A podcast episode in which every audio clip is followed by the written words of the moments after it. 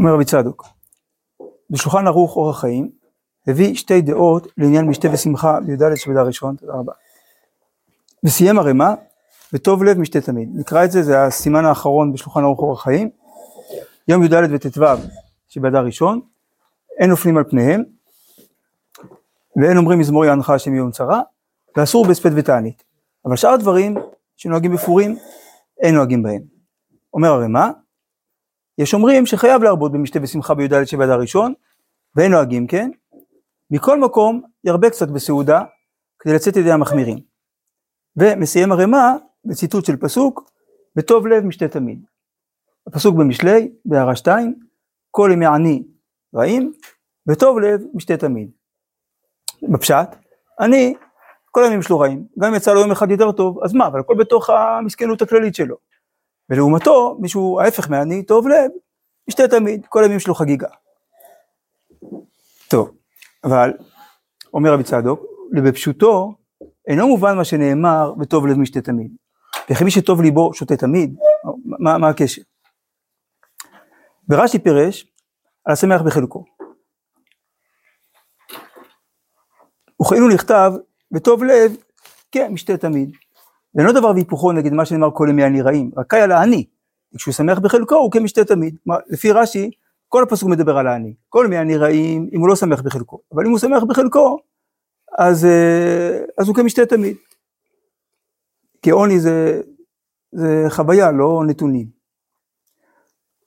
אומר רבי צדוק, אבל גם זה יש להבין. כלומר, טוב לב כמשתה תמיד. הסימן שמשתה תמיד זה משהו טוב. מה הכוונה? וכי מעלו עם משתה תמיד, וכמה פסוקים במשנה, בגנות שותה יין. אז מה המפתח? להבין את פורים קטן, להבין מה זה טוב לב. כי טוב לב הוא משתה תמיד. אז מה זה טוב לב? אומר רבי צדוק, אך יש לומר, זה טוב לב הוא מי שליבו טוב, שהוריק, כלומר שרוקן היצר הרע מהלב כסיל לשמאלו, יש לו רק, רק לב טוב, לב אחד לאביו שבשמיים, שגם לב שמאלי נעשה טוב. תראו, ב, תראו בהערות. יש אה, שני לבבות, לב חכם לימינו, לב כסיל לשמאלו, זה יצר טוב, זה יצר רע. איך עובדים את השם? ממילא, שני היצרים. בכל לבבך, אומרת המשנה, בשני יצריך, ביצר טוב ויצר רע, ואם זוכים לזה, אז יש, אז מלבבך זה נהיה לבך, לב אחד. אומרת הגמרא, מה תמר זה, אין לו אלא לב אחד, כלומר דקל, יש לו ליבה אחת. ואין לו כמו תאנה או זית, יש להם הרבה גזעים, הם לא סימטריים, אבל דקל יש לו מרכז אחד. אז מה תמר זה, אין לו אלא לב אחד, אף ישראל אין להם אלא לב אחד, לווים שבשמיים. ברוך אתה אדוני אלוהינו מלך העולם שהכל מדבר.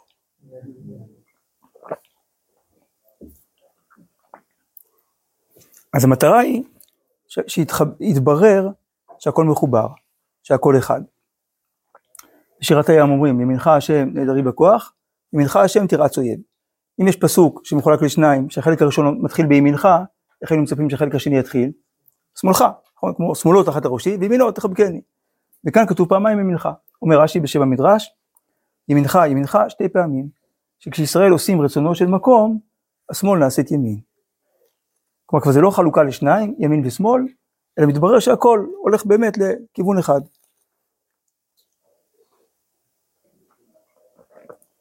כלל גדול, כותב הרמב"ם במורה נבוכים, שאמונה היא לא הנאמר בפה, אלא המצויר בנפש. כלומר, מה שקובע אם אדם מאמין ועד כמה הוא מאמין, זה לא מה הוא אומר, אלא איך הוא חי. אז מה הסימן שאדם באמת הגיע למדרגה שיש לו רק לב טוב, לב אחד לב אישי בשמיים, שכל כוחות החיים שלו הם באמת למטרה אחת, אומר רבי צדוק, והוא תמיד בשמחה. כי אם אדם חי התנגשות פנימית, הוא לא יכול באמת לשמוח. אבל אם אדם באמת חי את האמת האלוקית, בכל החיים, הוא תמיד בשמחה. כמו שאמרו, ביום ההוא כולו הטוב והמיטיב, תראו בהערה חמש, והיה השם למלך כל הארץ, ביום ההוא יהיה השם אחד ושמו אחד. מה זאת אומרת ביום ההוא, ועכשיו מה? שואלת הגמרא, התועה עידנא, לאו אחד הוא. אמר רבי יחא בר חנינא, לא כי העולם הזה, העולם הבא. העולם הזה, על שמועות טובות אומר ברוך הטוב האמיתי, על שמועות רעות אומר ברוך דיין האמת, אבל העולם הבא, כולו הטוב האמיתי. זאת אומרת,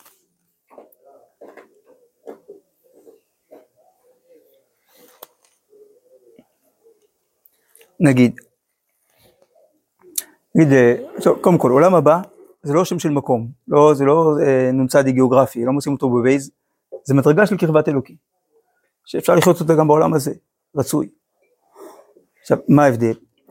שבעולם הזה, החיים, בחוויה שלנו, יש טוב, יש רע, בדיוק כמו שיש ימין, יש שמאל, יש יצר טוב ויצר רע. ואז לכל מצב יש את הברכה שלו. אבל בעולם הבא, זה עולם, ש... עולם האמת. כשמתבררת האמת, מתברר שהכל טוב, בעומק.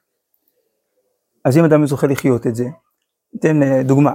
בעולם הזה, יש תחרות ריצה בין שניים. אחד מנצח, אחד מפסיד. אז בעולם הזה, המנצח מברך ברוך הטוב והמיטיב, זה שהוא ניצח. המפסיד מברך דיין האמת, על זה שהוא הפסיד. אבל בעולם הבא, תהיה תחרות ריצה בין שניים, אחד מנצח, אחד מפסיד. המנצח יברך הטוב והמיטיב על זה שהוא ניצח, המפסיד יברך הטוב והמיטיב על זה שהוא הפסיד. כי הוא יבין שאם הוא הפסיד, אז משמיים גלגלו לו שזה הדבר הכי נכון, הכי טוב שיקרה לו, הכי מצמיח. אז זה טוב. אז ברוך הטוב והמיטיב. טוב, ראייה פנימית. אומר רש"י, הוא פירש שם, הוא פירש רש"י, שאין שם בשורה רעה. והיינו שבעולם הזה יש בחוויה שלנו ההפך הטוב. ואז לא יהיה זו, שיכירו הטובה. אבל, אומר רבי צדוק, ובאמת, גם בעולם הזה, אומרים פעמיים בכל יום בקריאת שמע, השם אחד. שמה זה אומר? בואו נראה בהערה 6. זה חלק ממכתב ששפת אמת כתב לחבר שלו, כשהיה בן 18. כלומר, תחילת שיעור א' בערך. אז הוא כותב לו כך: ולאשר כי אין העניין מובן, איך הוא לכל אדם, איך הוא הקפיצה לדבוק בהשם יתברך. הרי להגיע למצב של דבקות, זה לא איזשהו תהליך שאתה מוסיף עוד קצת עוד קצת ואז אתה פתאום בדבקות, אלא זה איזושהי קפיצה, זה, זה משהו, זה טלטלה, מהפכה. ולזאת, הנני מגלה לך מה שאני יודע בזה דרך האמת. וזהו, שכלל הייחוד שמייחדים בכל יום שמע ישראל וכולי, שזה צורך גדול לידע מהות העניין. הרי זה קבלת מלכות שמיים, זה הפסוק שחייבים לכוון. אז אומר השפת אמת, ואשר נודע לי בהר היטב באמת, לא על פי עומד השמועה, רק מתוך ספרי הקדושים המקובלים הגדולים, מחויב אני לגלות לך לברר הדברים. והוא, שאין הפירוש השם אחד, שהוא אלוק אחד למעט אלוהות אחרת. כלומר אחד ולא שניים, אחד ולא עשרים. גם זה אמת, כמובן. אך הפירוש עמוק מזה, מה זה השם אחד? שאין הוויה אחרת זולתו. כלומר השם אחד זה אין עוד מלבדו, אפס זולתו. הכל זה רק אלוקות וגילוי אלוקות, אין שום דבר אחר. מובן? מובן ולא מובן. למה? אומר השפת אמת, ואם כי נדמה לכל אחד שמבין הדברים, אינו כן. שיש בזה הרבה הרגשות לאין שיעור. זאת אומרת, כל עוד יש באדם יצר רע, הוא לא יודע מה זה באמת השם אחד. כי הוא בעצמו מסוכסך עם עצמו. אז, אז הוא לא חי את זה באמת בפועל שהכל גילוי אלוקות, כי יש בתוכו קולות שהם נגד.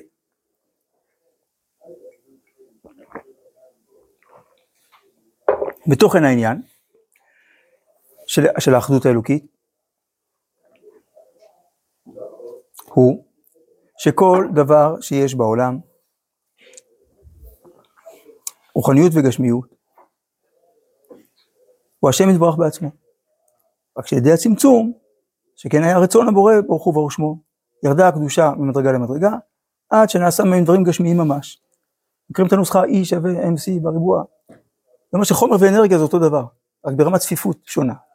אז ככה כל ההתגלות האלוקית והעולם הפיזי זה לא שני עולמות, אלא באמת זה רק רמת הצפיפות, רמת העיבוי של ההסתר האלוקי. אבל הכל אלוקות. ואלה הדברים אמת בלי ספק. עכשיו השאלה הייתה איך הוא הקבוצה לדבוק בשם יתברך. אז הנה התשובה. לזאת יוכל כל אדם להידבק עצמו בכל מקום שהוא, תוך הקדושה שיש בכל דבר ודבר. ובתוך כל דבר, המנוע הפנימי שלו, מה שמחיה אותו, זה קדושה. אין מקום שאין בו קדושה. אף דבר גשמי. תנאי אחד, רק שיהיה בטל בניצוץ הקדושה. כלומר, מחובר אליו, חי אותו.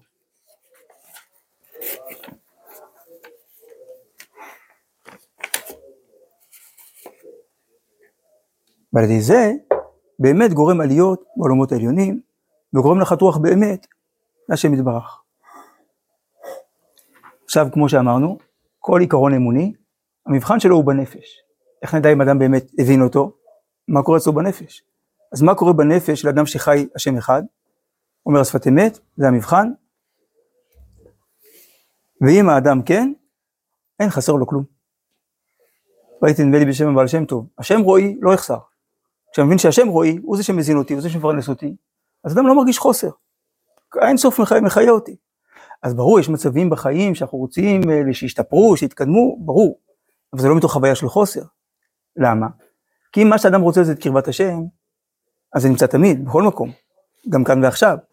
אז אם זה מה שמעניין אותו בעיקר, אז אומר השפת אמת,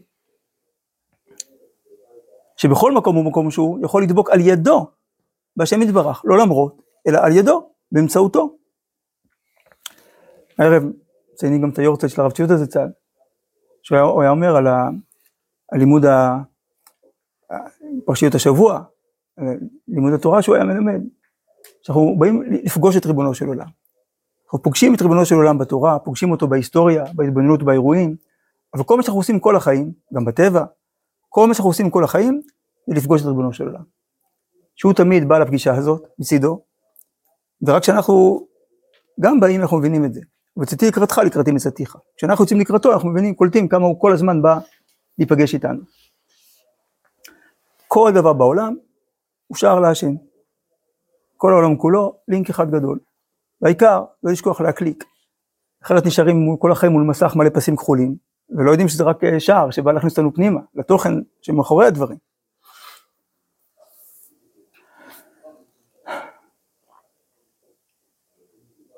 וזה כלל כל הייחודים שבעולם.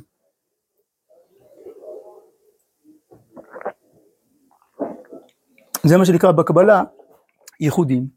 איך דרך איזושהי תופעה, איזשהו צירוף, איזשהו עניין, דבקים בהשם אחד שמתגלה דרכו. זה השער להשם, צדיקים יבואו בו. ואם אמנם יש בזה אריכות דברים מאוד, שיש כמה ספרים מאלפים דפים לפרש דבר הזה, כלומר כל פנימיות התורה היא ביאור של העיקרון הזה. לא נעריכתה, כי לדעתי די במילות בשורות אשר כתבתי, ואם תעיין בזה, תמצא מבואר כדבריי, והוא עיקר עבודת האדם. כי אם יש את התפיסה הזאת, במידה שאדם קונה את התפיסה הזאת, אז הוא כבר יבין הכל. ואם לא, אז כל העבודה שלו היא אוסף פרטים, שלא מתחברים, אם הוא לא מבין את העניין של, של האחדות הפנימית, של הכל. אז העבודה שלו, לא שהוא לא עובד, אבל העבודה שלו אין עיקר, אין שורש, שמחיה את הכל, שמגלה את המכנה המשותף של כל הפרטים.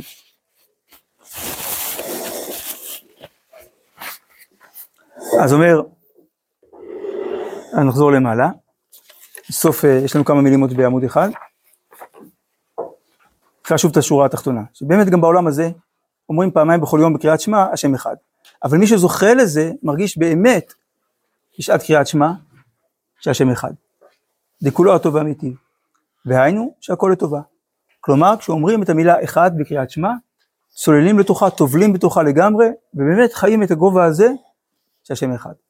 שאין עוד מלבדו, כלומר כולו הטוב והמיטיב, הכל לטובה. כמו שאמר רבי עקיבא, לעולם יהיה אדם רגיל לומר כל מה דוד רחמנה אביד. ורבי עקיבא הראה להם תכף שכל הנעשה הוא לטובה. ולא כמו שאמר מקודם, חייב אדם לברך, וכולי על הרעה, כן, כשם שיברך לטובה, וקיבלנו בשמחה. והיינו שאף שיודע שאינו טוב, מכל מקום יברך בשמחה. מה זה לא אומרים שיש דברים טובים, יש דברים רעים, צריך לברך על הרעים כמו שמברכים על הטובים. אלא, אבל מידת רבי עקיבא היה, שהכיר שהמעשה הוא לטובה ממש. לא היו לו במחשב שתי תקיעות, אחת של אירועים טובים, אחת של אירועים רעים. הייתה לו רק תקיעה אחת, של אירועים טובים. ובתוכה היו הרבה גוונים.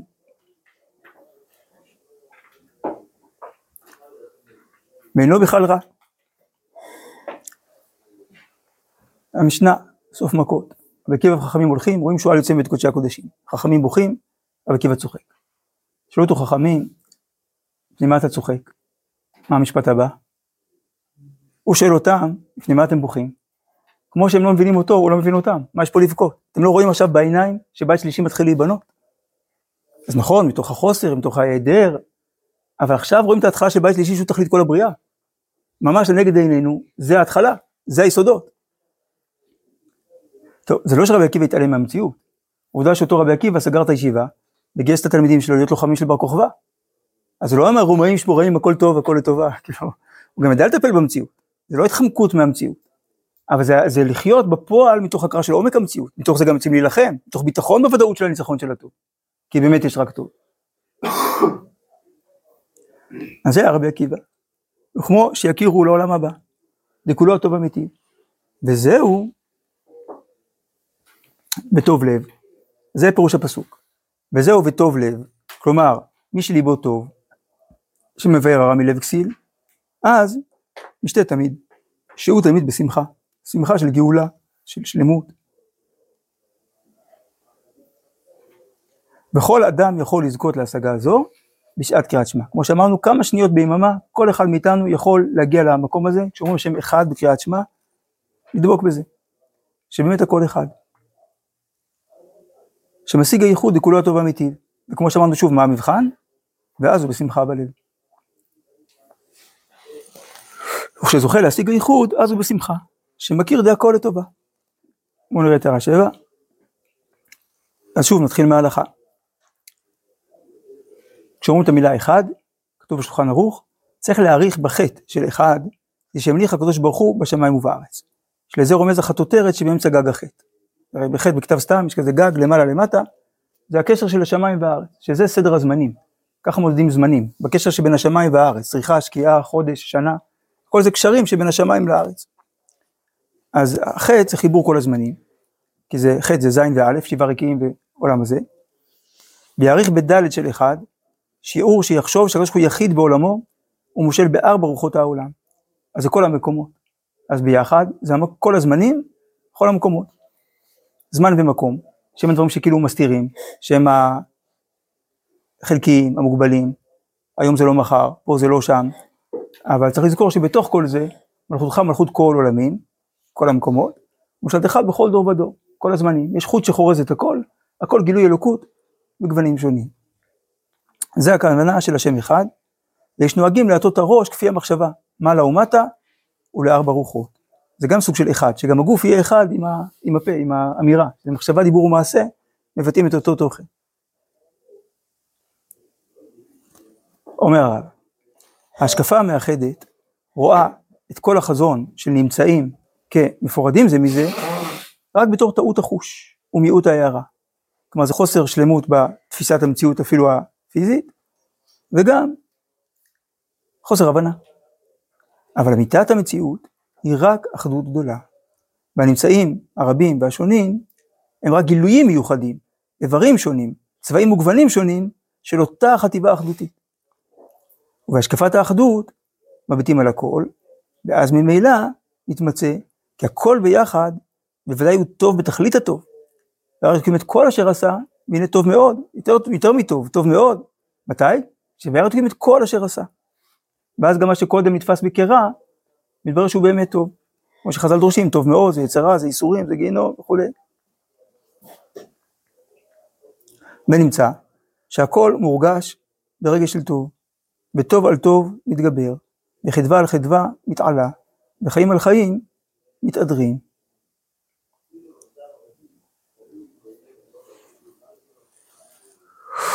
עוד אומר הרב, האידיאליות הרוחנית אינה יודעת ממהות הפירוד כלל, היא מכירה רק את הכללות ואת האחדות. אין שום פרט נזכר אצלה כי בתור חלק של כלל. בשביל כך, אינה יכולה להכיר שום טוב, אלא רק טוב כללי, ושום רע, כי אם כשהוא רק, כי אם כשהוא רק, כללי. זאת אומרת, ההשקפה הפנימית, ראייה רוחנית, אז היא לא מסתכלת על פרטים, היא רואה את הפרטים בתור גילוי של כלל. אז כל פרט של טוב, היא רואה בו את הטוב הכללי. כל פרט של, של רע, היא רואה בו את הרע הכללי. יש רע כללי? אין. אומר הרב, ומתוך שרע כללי לא נמצא כלל, והכלליות, הלוא היא הולכת גם כן ביחס לעופות שבצורת הזמן, כלומר, ההסתכלות הכללית הזאת בסוף גם מסתכלים על הזמן במבט כללי, ואז מה רואים? שאין האידיאליות חושבת ומתקשרת בנקודה מיוחדת שבה, בזמן, כי הם בכל שטפה הגדול. כלומר, יודעים את האמת וחיים את האמת. כמו שמרדכי אומר לאסתר, ברגע הכי קשה במגילה, רגע המשבר, שהוא רוצה שאסתר תלך, והיא אומרת, אני לא יכולה. הוא אומר דבר אחד בטוח, רווח וצלה יעמוד ליהודים. אבל, לא, אבל, אבל תקלטי שאת לא סתם בארמון, ברור שיש לך תפקיד. אבל רווח וצלה יעמוד ליהודים. כי הוא רואה את הנצח, מה בטוח יישאר אחרי הסיפור. מתוך כך היא באה להכיר, הסתכלות הזאת, שלא יש כלל במציאות רע, כי אם כולה היא טובה. והרי אלוקים את כל אשר עשה, והנה טוב מאוד. כמו שגם רב ציודאי אומר בשם חידושי ערים, הבאת את כל האדם לכף זכות. כלומר, אם אנחנו דנים אדם לכף חובה, ממה זה נובע? שמסתכלים על איזושהי תכונה שלו, או איזושהי התנהגות שלו, ומשליכים ממנה על כלל האדם. אם ביקשתי משהו לא נתן לי, הוא אנטיפט. אני רואה אותו, לא יודע, הוא כזה. אבל, אבל, אבל זה צריך להיות להפך, הבאת את כל האדם. אם נסתכל עליו כמכלול, על כל האישיות שלו, אז נקלוט שהוא הרבה יותר טוב מאשר לא טוב. כלומר, אז הבאת את כל האדם, תראה שזה לכף זכות. כלומר, ככל שהמבט יותר כללי, אז יותר רואה את הטוב. וטוב לי שהרע הוא נקודתי והוא בן חלוף, והטוב הוא גילוי של האמת הנצחית. אז הוא המשמעותי, אז אליו צריך להתייחס. והחומרנות החומרנות הגופנית, היא עושה את הפירוט בין הנושאים שבמציאות, וממילא גם את הניגודים שבהם.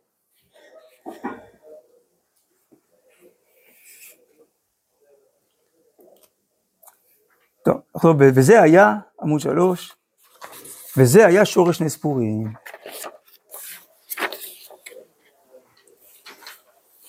שהוא זמן מחיית עמלק. עמלק, אומר בעל התניא, עם מולק. מה זה למלוק? מה זה מליקה? להפריד בין הראש לבין הגוף. זה עמלק. תיאוריה לחוד, אינטלקט לחוד, ומעשים לחוד, התנהגות לחוד. זה הפירוד, שזה שורש היצר הרע. שהעניין שלו זה לעשות נתק בין החיים שבפועל לבין השורש הנשמתי.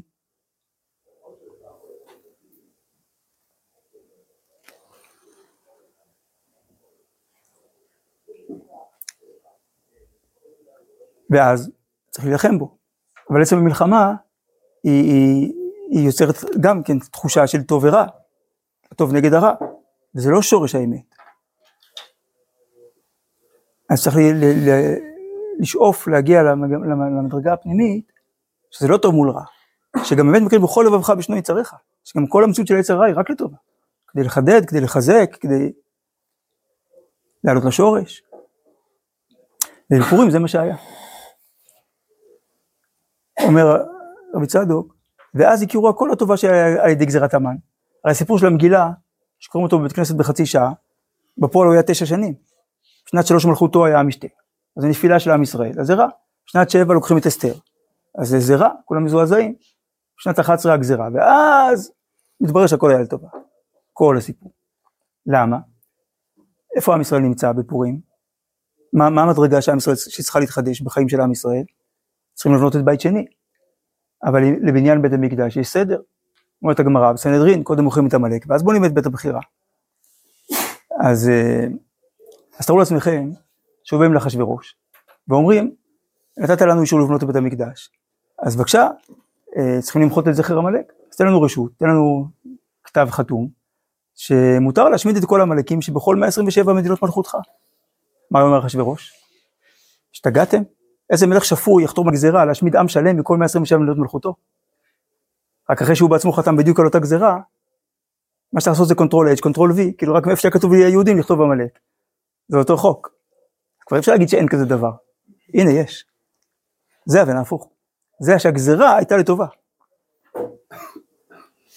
אומר רבי צדוק, דילולי הגזירה, לא היה אופן שיבקשו מאחשוורוש לעשות מחיית עמלק ולהרוג מעמו, רק על ידי גזירת המן, נהפוך הוא, שישלטו היהודים המה ושונאיהם. ואז הכירו הכל הטובה, ולא היה גזירה רעה מעיקרה כלל, ככה התברר, רק סיבה לטובה, שהוא יכול לעשות מחיית עמלק. שהכירו, או כמו היום. שנים, היום יש לנו, מה זה שקט יענה בשקט? מה זה להרתיע, להחליש? יש פה רשעה, צריך למגר אותה, עם רשעה, רשעה מפרקים, לא עושים איתה משא ומתן. עכשיו כולם מבינים את זה. עכשיו כבר בפקודות של צה"ל, שרשעה מפרקים, עד הסוף. טוב, השם ירחם על המחירים, אבל הקדוש ברוך הוא מתכוון, באמת הכל לטובה. כמו שאמרו, כיפור המן, כיפור המן נהפך, לפור, נהפך לפורנו. שמה מתברר? שהגורל היה לטובתנו, שנוכל לעשות מחיית עמלק, מה שלא היה אפשר בלאו הכי. והנה, שורש המחלוקת לעניין משתה ושמחה בי"ד באדר ראשון, ובגמרא איתה אין בין י"ד שבאדר ראשון וי"ד שבאדר השני, אלא מקרא מגילה ומתנות לבינים. אז ברור מה לא שווה. ה, לעניין הספד ותענית, זה וזה שווים. אז ברור מה כן שווה. ולא הוזכר משתה ושמחה. לא לפה ולא לפה. אז לכן לא, לא ברור, אז מה למעשה, אם צריכים משתה ושמחה ביד הראשון או לא. רק שהר"ן כתב, לכיוון דאיסור הספד ותענית יאליף בגמרא, שמחה, שאסורים בהספד, משתה, שאסור בתענית, זאת אומרת, אומר הר"ן, זה שכתוב מפורש בגמרא, שעניין הספד ותענית זה וזה שווים. אז למה אסור הספד ותענית בפורים? הספד, אסור הספד כי זה סותר שמחה, אסור תענית כי זה סותר משתה. אז סימן שצריך גם משתה ושמחה באדר ראשון, אומר, אומר הר"ן. נדלג שתי, שתי, שתיים וחצי שורות, אומר רבי צדוק, אמנם, הטעם שאין נוהגות אלא בשני, המצוות של פורים, הוא או מטעם דמסמך גאולה לגאולה עדיף, או מדכתיב לקיים את איגרת הפורים הזאת השנית. והיינו, באדר השני, שמה זה אומר? שהקיום בפועל יהיה בשני, כמו שאמרו בגמרא. והנה, בכל המגילה כתיב, לשון, לעניין פורים, לשון עשייה. עושים את יום וגומר. לקיים עליהם להיות עושים את יום וגומר. לעשות אותם עם משתה ושמחה משלוח מנות וגומר ומתנות לוויינים. וכן, קיימו וקיבלו וגומר, להיות עושים את שני הימים וגומר. ועל זה כתיב לקיים את איגרת הפורים הזאת השנית. כלומר, שלקיים במעשה קריאת המגילה, משלוח מנות ומתנות לוויינים, תקנו רק באדר השני בשנת העיבור. ועל זה שייך טעם מסמך גאולה לגאולה עדיף. לעניין התקנה במעשה, ומקרא מגילה ומתנות לוויינים, ובמעשה, התגלות הנס שעשה, שעשה על אבותינו בזמן הזה, התגלות שלו ברובד המעשי, וזהו נוהג רק בשני. אבל שורש המצוות, בלב, הרי לכל מצווה יש שורש. מה שרואים בעיניים, המעשה, זה כמו צמח. אתה רואה בעיניים את הגזע או את הגבעול, אבל בפנים, מתחת לאדמה, נמצא השורש, שכל הגזע והגבעול, כל הצמח יונק ממנו. אז כך, במצווה, יש את גוף המצווה, מה שעושים, רואים בעיניים, אבל שורש המצווה, זאת אומרת, הרוחניות שממנה יונקת, החיות שלה, בלב. למשל, שבת. גוף השבת, איסור מלאכה, קידוש והבדלה, זכור ושמור. אבל העניין הפנימי של המצווה של שבת, זה להיות בנייך. כתוב ששת ימים תעבוד ועשית כל מלאכתך. שואלת הגמרא, איך אפשר אדם, אדם יכול לעשות כל מלאכתו בשבת, בשישה ימים, מישהו בונה מגדל, אז מה עכשיו נגיד לו, אתה חייב לגמור עד יום שישי בצהריים? אלא, כשבא השבת תהיה בעיניך כאילו כל מלאכתך עשויה. מה להיות בנינוחות? לא, הכל טוב. אבל אם אדם, אז אם אדם לא עושה מלאכה בשבת, עושה קידוש והבדלה, אבל כל שבת הוא דואג מה יהיה עם המניות שלו, מה יהיה עם מה, מה קורה בחדשות, אז זה לא בשבת, רק טכנית. ליל הסדר. אז יש מצווה, יש כמה מצוות, מרור, מצה, ארבע כוסות, קריאת הגדה, אבל כל זה ביטוי של משהו פנימי בלב. בכל דור ודור חייב אדם לראות עצמו כאילו יצא ממצרים. אז אם אדם אוכל מצה, שותה יין, אבל לא מרגיש שהוא יצא ממצרים, אז זה גוף בלי נשמה, כמו פסל. אז שורש המצוות הוא בלב. עכשיו מגיעים לפורים קטן. אומר רבי צדוק, אבל שורש המצוות בלב, כיוון ששניהם בשם חודש אדר נקראו, וכשבא הזמן הזה באדר ראשון, גם כן זמן מחיית עמלק, כי זאת סגולת הזמן של הימים האלה, מרגיש האדם בלב שאין פירוד, בחינת משתה ושמחה וטוב לב. מה זה אומר ברוחניות? שיכולים לתקן הלב כסיל לשמאלו. מתנתקים, נגמלים מהתפיסה הדואליסטית של טוב לעומת רע, הכל טוב, שזהו עיקר מחיית עמלק, יצרה בישה, כמו שאמרנו מהזוהר הקדוש. וממילא נאסר בהספד ותענית, כיוון שהוא זמן משתה ושמחה בלב, ולהיות לו רק לב אחד, לב טוב, ואז בטוב לב משתה תמיד. כלומר, כשאדם מגיע לבחינת טוב לב, הבחינה הזאת של טוב לב, היא קיימת גם בפורים קטן, לכן הרמ"א מסיים בפסוק הזה. לא כי זה וורט, כי זאת המהות של פורים קטן, שגם בפורים קטן מגיעים לבחינת טוב לב, ולכן צריך לעשות משתה גם בפורים קטן.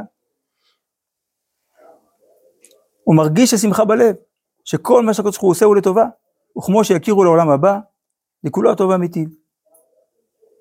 שעל זה נזכר במגילה, בנוח, כמו שבת, וגומר, כי אם שנחנו בהם היהודים מהאויבים. והיינו, הנייך בלב. על דרך שנאמר בזוהר הקדוש, על יום השבת, ביום הניח השם לך וגומר, מן העבודה הקשה. מה זה ומן העבודה הקשה? שהוא שאף שהוא, כשהוא בעבודה הקשה, מן העבודה הקשה, מתוך העבודה הקשה, אז פיזית, חיצונית, הוא בעבודה קשה, אבל יש לו נייך בלב. והיינו, על ידי שמכיר שהכל לטובה. וכן הכירו אז בפורים ההיסטוריה והאמונה הפנימית בנצח ישראל התאחדו. כי מה שראו בהיסטוריה זה בדיוק את נצח ישראל. כלומר החוץ מתאחד עם הפנים. זה פורים. וזה גם באדר ראשון. וכן הכירו אז שהגזרה היה לטובה, כנ"ל. ועוד מצווה שלא מפורשת, אומר רבי צדוק, וכן משלוח מנות איש לרעהו, שגם לא נזכר במשנה, שהוא להיות הכל כאיש אחד בלב אחד, הרי זה העיקר במשלוח מנות, החברות.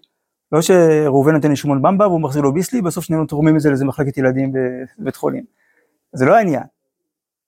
אלא גילוי האחדות הפנימי, שבאמת בגמרא, מחלפי סעודתיו, אני ניזון ממה שאתה הכנת, אתה ניזון, זה כמו משפחה. ש, שכוח הקיום שלנו הוא, הוא תלוי אחד בשני.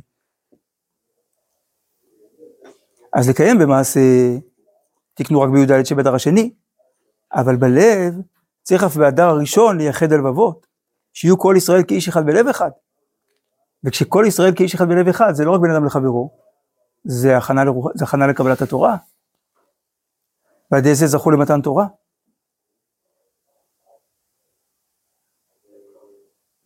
שזה עיקר פורים, הדור קיבלוה, ימי אחשוורוש.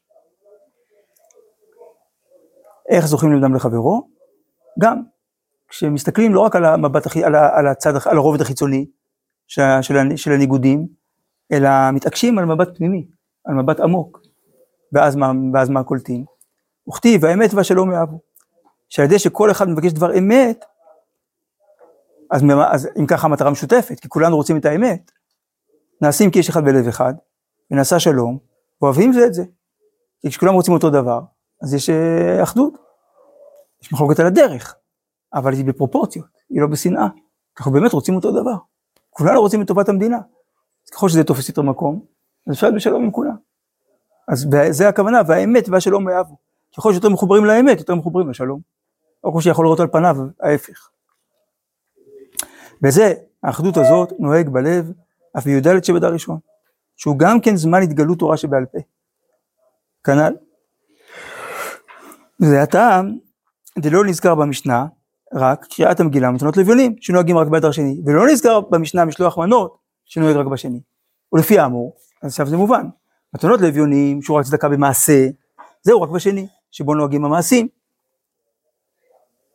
אבל משלוח מנות, שעיקרו המכוון הוא להיות כאיש אחד בלב אחד, כלומר זה קשור למהות הפנימית, והמכוון, כל התוכן הפנימי של פורים, נוהג אף בי"ד שבדה ראשון, החל מעוד שעה, יש לנו 48 שעות של פורים. להיות כל ישראל חברים, להיות כל ישראל חברים בלב אחד. ועל ידי זה לא יודעים הייתה הוראה, זו תורה שבעל פה, שהוא משתה תמיד, רומז שטוב יין מסכתי, המסכתות של תורה שבעל פה, לשמחה, מה מביא לשמחה? איך אפשר לשמוח בעולם הזה? רק שירגיש וישיג האור השם אחד, והכל לטובה. וזהו, בטוב לב, שליבו טוב ואין לו רק לב אחד, אז טוב, אז משתה תמיד. פגישה של שמחה. שמרגיש הייחוד השם אחד, שכולו הטוב אמיתי. ובשבת, אז הנה עוד התנוצצויות בעולם, ובשבת, שהוא מעין עולם הבא, מרגיש כל אדם ענייך, אף שהוא בעבודה קשה, כמו שאמרנו בזוהר הקדוש. אל יצא איש ממקומו ביום השביעי, שבת, כולנו במקום, הכל טוב. לתלמידי חכמים, לדמיין לשבתות, כמו שאמרו בזוהר הקדוש, שזוכים תמיד להתגלות אור תורה שבעל פה, יכולים להשיג תמיד הייחוד שכולו הטוב האמיתי. כמו שראה רבי עקיבא. שהוא שורש תורה שבעל פה, שיצאה נשמתו באחד. מאותו אחד, שהוא נשאר איתו עד הסוף, ועד בכלל.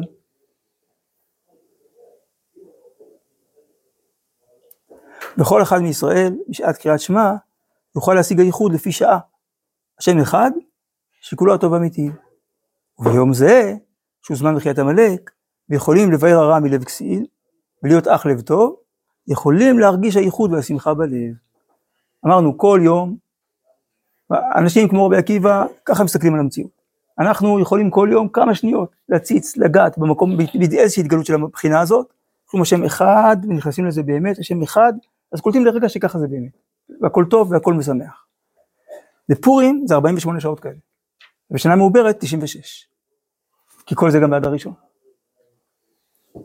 ובזה שווין י"ד שבאדר ראשון, י"ד שבאדר השני. וזה שסיים הרמ"א על זה, בטוב לב משתה תמיד. עוד קצת. כותב החידה, שולחן ערוך שם.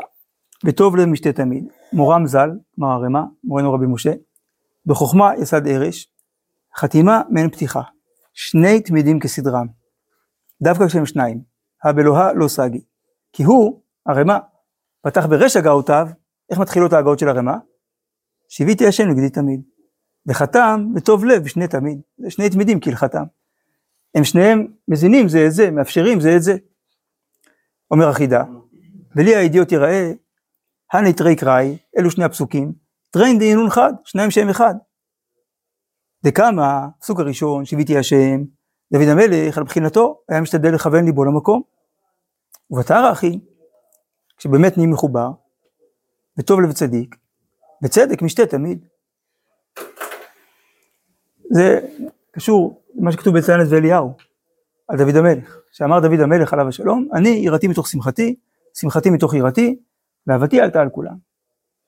אז, אז שיווית השם לגדי תמיד, זה היראה. טוב לב משתה תמיד, זה השמחה. אז נאות סופן ותחילתן, זה ההדרן שעושים, מחברים את הסוף להתחלה. זה אותו עניין, שיוויתי השם נגדי תמיד, כשיש יראה אמיתית, אם זאת יראת שמיים אמיתית, נקייה, היא מביאה לשמחה. כי הגודל האינסופי הזה, הוא ברא אותי, הוא נותן בי אמון, הוא הביא אותי לארץ ישראל בדור של גאולה, הוא נותן לי כוח לעשות חיל. אז זה מאוד מאוד משמח. והשמחה בעצמה מביאה ליראה. כי במה אני שמח? מה זה שמחה? שאני מרגיש את שורש נביאת החיים. מאיפה החיים האלה נובעים? מגודל אינסופי שאי אפשר להכיל אותו ואי אפשר לקלוט את אפס קצהו. אז זה מוליד יראה. ביחד היראה והשמחה מזינות זו את זו. מסיים החידה, הוא יעזרנו על דבר כבוד שמו, יורנו מתרחב, ונלכה באורחותיו, אורחות חיים. וגם פה החידה מסיים חותם בשמו, אבל גם, זה גם צורת, שורש העניין, אורחות חיים.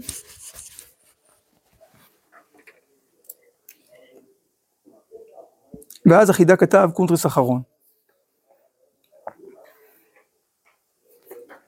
והנה, ושם הוא כתב, והנה צורף, כי סופי תיבות וטוב לב משתה תמיד, סוף טוב הכל טוב, גימטריה אחד, גימטריה אהבה, זה ממש מה שרבי צדוק אומר. המקום ברחמיו ייחד ליבנו לעובדו בלב שלם, תמיד, כמו שרבי צדוק אומר. מתוך זה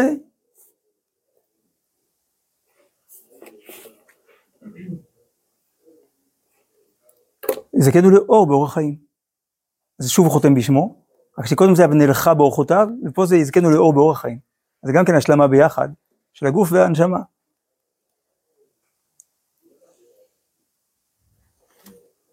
אז פורים קטן מלמד שהאור הוא רוחני, הוא קיים, הוא מעשי, הוא ממשי, הוא מכריע, גם כשאין לו גילוי פיזי. ומתוך ראיית האחדות הזאת, הפנימית, טוב להם משתה. אז כל ההופעות של פורים, הרוחניות, מופיעות גם עכשיו, ב-48 השעות הקרובות. בעזרת השם, פורים קטן, זה הקטן גדול יהיה, ונזכה כל עם ישראל לראייה הפנימית הזאת. זה מרדכי היהודי, נשלים את זה. מרדכי היהודי, אומרת הגמרא, הכופר בעבודה זרה נקרא יהודי. מרדכי כופר באמן. מה זה כפירה? להגיד לא קיים, לא סופר אותו. כתוב לא קם ולא זע ממנו. לא רק שהוא לא קם, לא שהוא לא עשה שריר ולא קם, הוא לא זע. בסלג של היום לא הזיז לו. כי הוא באמת לא, לא ספר אותו בכלל. זה מה שפוצץ את המן. סיכה בבלון שלו. לא סופרים אותו בכלל. לא, מתעלמים כאילו הוא אוויר. כי הוא באמת אוויר. כי מי שרואה את, ה, את, ה, את נצח ישראל בכל דבר, אז מה הוא רואה? הוא רואה גם את ההמשך. מה ההמשך? כל הרישה כולה, כעשן תכלה. כעשן קלה, מה נשאר ממנו? כלום. מבחינתו אמרנו באמת כלום. שנזכה לראות את זה בעיניים של היום, תוך הידיעה שבאמת עם ישראל חזק, הרבה יותר מכל האויבים, לא כי יש לנו תחמושת כזאת או, או, או כוחות כאלה, אלא כי באמת אנחנו אור השם בעולם שאף אחד לא יכול לפגוע בו, ואם זה נראה זה נועד רק להצמיח יותר, לגלות קומות חדשות, עוצמות חדשות, שלוואי שנזכה לממש בימינו, שנכנס אדר, יצא סינואר וכל השאר, בעזרת השם, נזכה לשפע של בשורות טובות, מחיל אל חיל, עד לגאולה שלמה.